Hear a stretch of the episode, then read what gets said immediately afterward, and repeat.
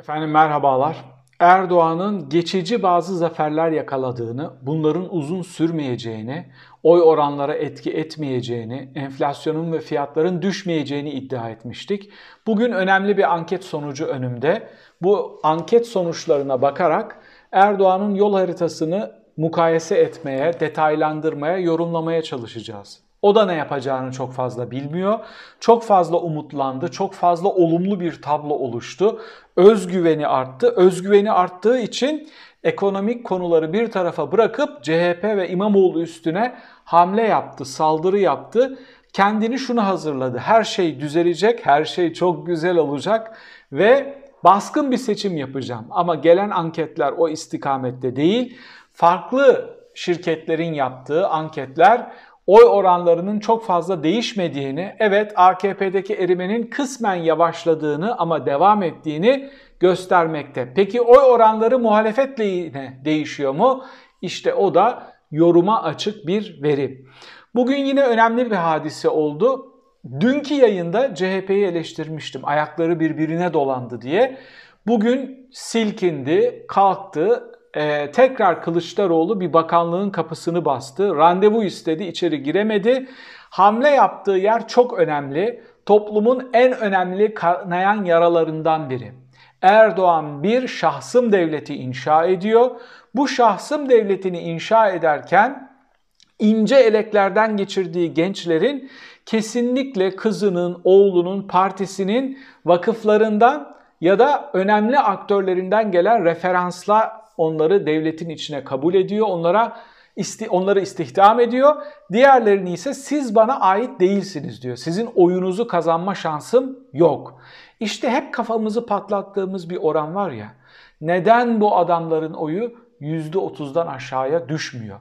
KPSS'de birinci olan kız çocuğunu mülakatla eleyip parti referansıyla gelen insanları oraya istihdam ettiği için ve onlara şu korkuyu şırınga ettiği için biz gittiğimizde siz de buraları kaybedeceksiniz. O zaman tüm çevrenize şunu söylemeniz gerekiyor. Biz hak etmediğimiz bir nimeti aldık.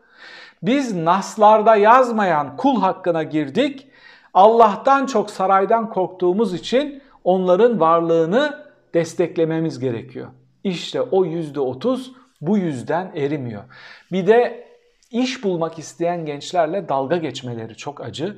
Erdoğan çıktı dedi ki bakın işte bir iş adamının adını verdi. İşçi arıyoruz bulamıyoruz dedi. O iş adamını aramışlar ve iş başvurusunda bulunmuşlar. Daha doğrusu onun firmasını iş alımımız yok diye yanıtlamış o firma. Yani Erdoğan ya çevresi tarafından manipüle ediliyor, böyle toz pembe bir tablo seriliyor ayaklarının altına ya da ne olduğunun, ne bittiğinin çok farkında değil. Ekonomi kötüye gidiyor, oy oranları kötüye gidiyor, devlete ve kurumlara bakış kötüye gidiyor. Son anketlerin partilere düşen analizi ve Kılıçdaroğlu'nun Milli Eğitim Bakanlığı'na yaptığı baskını özetliyorum.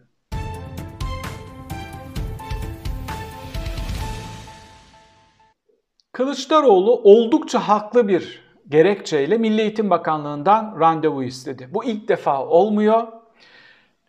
Sınavlarda birinci olan çocuklar yani ömürlerini üniversitelerde harcamış, en iyi öğrenciler olmuş, pırıl pırıl yetişmiş çocuklar AKP'li bürokratların mülakat sorularıyla eleniyor ve öğretmen olamıyorlar, memur olamıyorlar. Sosyal medyaya yansıdığı kadarıyla ne kadar doğru bilmiyorum. Mülakatta sorulacak soruların çok güvenilir kadrolara önceden dağıtıldığı ve onlara verildiği hazırlanmaları sağlandığı ama buna rağmen sınavda 90 alan bir çocuğun, 95 alan bir çocuğun o mülakat sorularıyla 50 alması imkansız. Mülakat soruları da içler acısı, ideolojik sorular bir kısmı. Bir kısmına o çocukların bu kadar kötü yanıt verme ihtimali yok. Danıştay'ın bu konuda aldığı bir kararda dediği gibi hayatın olağan akışına aykırı. Aykırı bu şeyler, mülakat notları.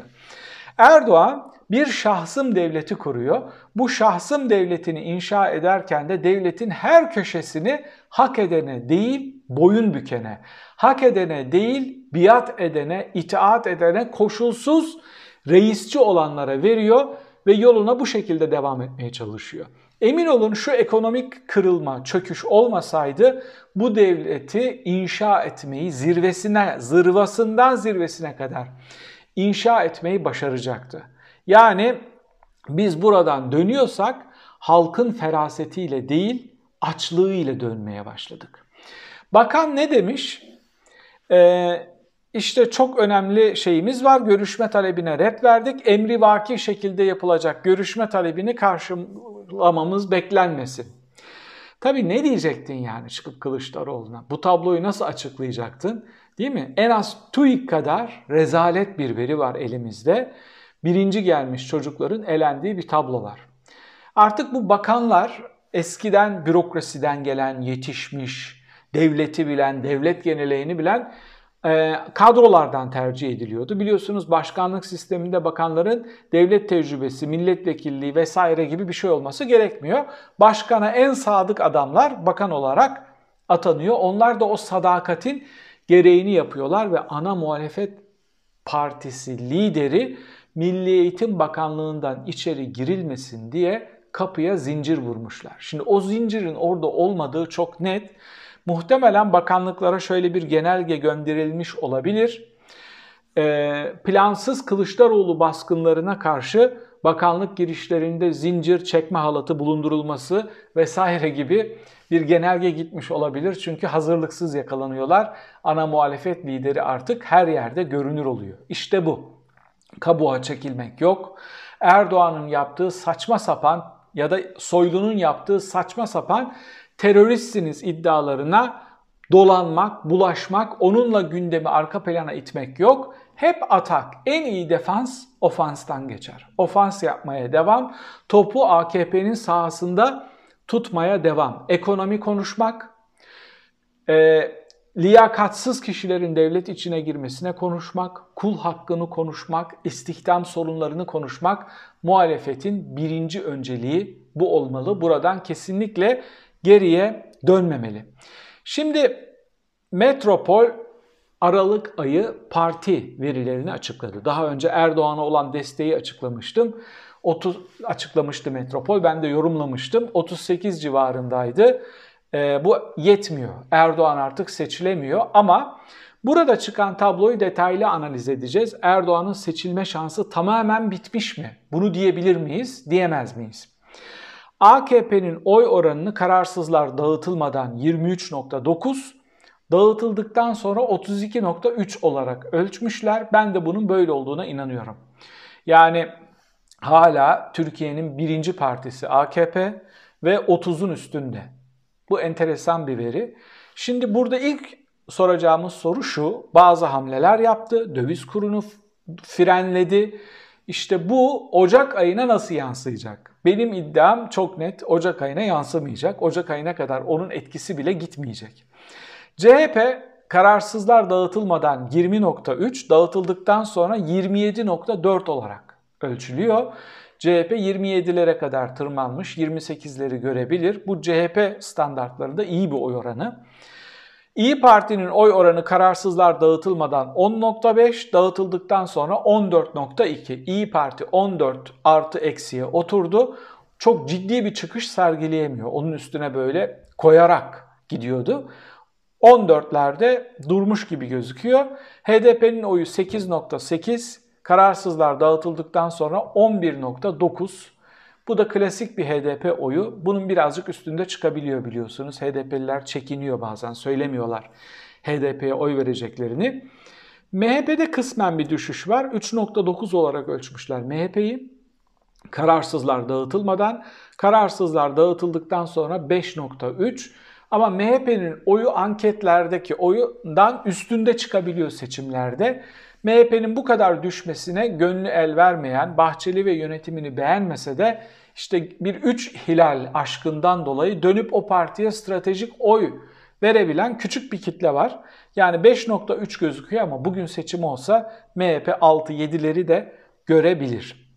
Ama MHP'nin biliyorsunuz en az %30'u, MHP seçmeninin en az %30'u Erdoğan'a oy vermiyor.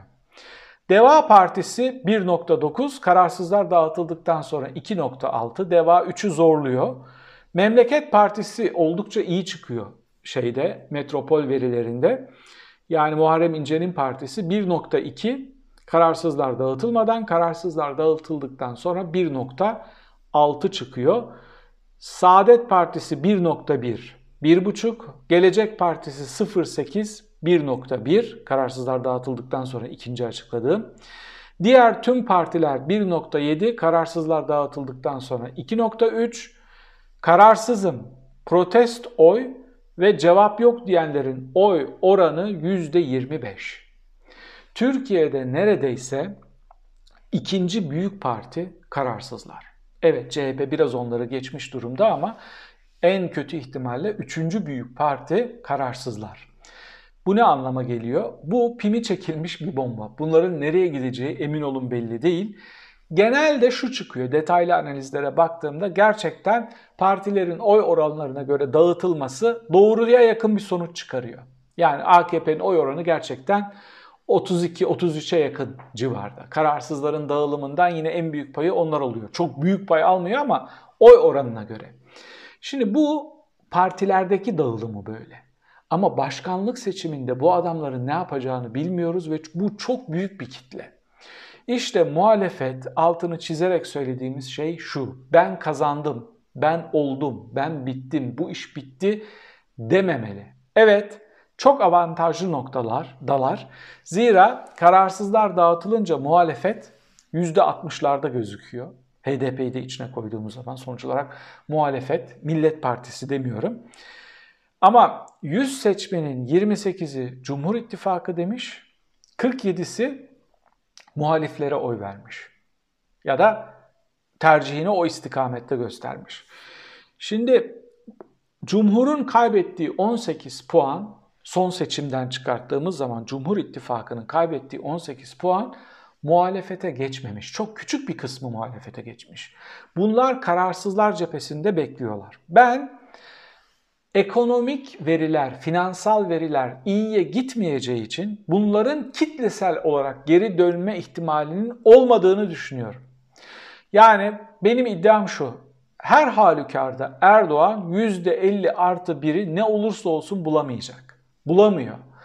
Ama ama başa baş bir seçim olabilir. Erdoğan'ın şapkadan çıkartacağı tavşanları, kullanabileceği enstrümanları bilmiyoruz. İş riske atılmadan ezici bir çoğunlukla, ezici bir neticeyle seçim kazanmak için yapılması gereken şey buraya dikkat etmek. Gevşememek, rehavete girmemek. Burada en önemli soru şu, yayının başında dediğim gibi Ocak ayı anketi ne olacak? Neden? Erdoğan işte bir program açıkladı, bir yem attı, yeni ekonomik model. Bu yemle birlikte bakalım kararsızlar oltaya vuracak mı, gelecek mi? Şimdi ben bu böyle bir beklenti içinde değilim. Neden değilim? Çünkü bu başarısıya, başarısızlığa mahkum bir e, program, bir model. Ha, radikal bir şekilde dövizin çıkışını durdurdular. Zaten onu kendileri körüklüyorlardı. Yani çenelerini kapattığında zaten duruyordu döviz. Bu radikal çıkışı susarak bile durdurabilirlerdi. Bu programı açıkladılar ve yine milyarlarca doları piyasaya sürdüler onu başarılı gösterebilmek için. Ama ne dedik?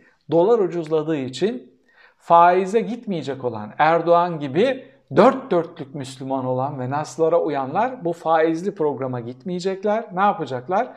Gidip yine dolar alacaklar dedim ucuzladığı için. Aynı dediğimiz çıkmış durumda. İnsanlar patır patır ucuz dolar topluyorlar ve dolar tırmanışa geçmiş durumda. Bugün 12.90'ları gördü. Demek ki demek ki Ocak ayı anketinden çok fazla bir şey beklememek lazım. Zira buradan çıkacak çok güçlü bir e, enflasyonun düşmüş, istihdamın artmış bir tablo çıkmayacak. Bunların hepsinin aynı anda olması gerekiyor. Sadece döviz kuru düştü. Oh ne hala. Döviz kurunun düşmesi yatırımcıyı ve üretim yapanı ilgilendiren bir şey. İstihdam coşmadıysa, fiyatlar düşmediyse, paranızın alım gücü artmadıysa bu oy olarak size yansımayacaktır. Ee, seçmen davranışlarında döviz kuruna bakılmaz. Makroekonomik dengelerin tamamına bakılır. Onun için ben Ocak ayı anketinin aralıktan farklı çıkacağını düşünmüyorum. Aşağı yukarı radikal değişiklikler olmazsa aşağı yukarı aynı anket çıkacak. AKP yavaş yavaş erimeye devam edecek. Şimdi önemli bir şey var burada. Seçime giderken bir İçişleri Bakanı fenomeniyle gidiyoruz. Belediye başkanlarını terörist ilan eden ve soylu, soylunun denetiminde tüm ülkede seçime gidilecek. Bu muhalefet için başlı başına büyük bir handikap. Muhalefet önünde büyük ödevler var. Sadece bir aday belirlemek, sadece bir makro ekonomik program açıklamak değil, aynı zamanda baskın seçime karşı e, seçim güvenliğini üst seviyeye çıkaracak şekilde örgütlenmesi de gerekiyor. Muhalefetten daha sıkı bir çalışma, daha e, sık periyodik toplantılar ve ortaya model koyan çıkışlar bekliyoruz. Bu oranlarla erken e, seçime gidilebilir mi? Ben bu oranlarla baskın seçim olma ihtimalinin her geçen gün zayıfladığını düşünüyorum. Erdoğan hamlelerini yaptı, istediği neticeleri alamadı. Onun için dün, evvelsi gün işte bu İmamoğlu hakkında başlattıkları prosedürün baskın bir seçim için değil de normal seçimi yapacakları gün onun Mansur Yavaş'ın aday olamayacağı anlar için şimdiden bir prosedür başlatmış olabilirler. Sorum şu, Nebati çıktı dedi ki ABD Merkez Bankası'nı FED 5 aile yönetiyor. Herhalde orayı şey zannediyor. Burada hani 5 li çete var ya. Amerika Merkez Bankası'nı da öyle bir çetenin yönettiğini zannediyor. Siz bu Nebati'nin çıkışını nasıl görüyorsunuz? Bu tür açıklamalarını nasıl görüyorsunuz? Böyle bir bakanla hangi ekonomik programı açıklarsa açıklasın Erdoğan'ın piyasaya güven pompalayabileceğini ve yatırımları artırabileceğini düşünüyor musunuz? Kararsızların Nebati'nin gözünün içindeki ışıltıya bakarak AKP'ye döneceğini düşünüyor musunuz? Bunu tartışabiliriz yorum köşesinde. Bir sonraki yayında, bir sonraki yorumda tekrar birlikte olmak üzere efendim. Hoşçakalın.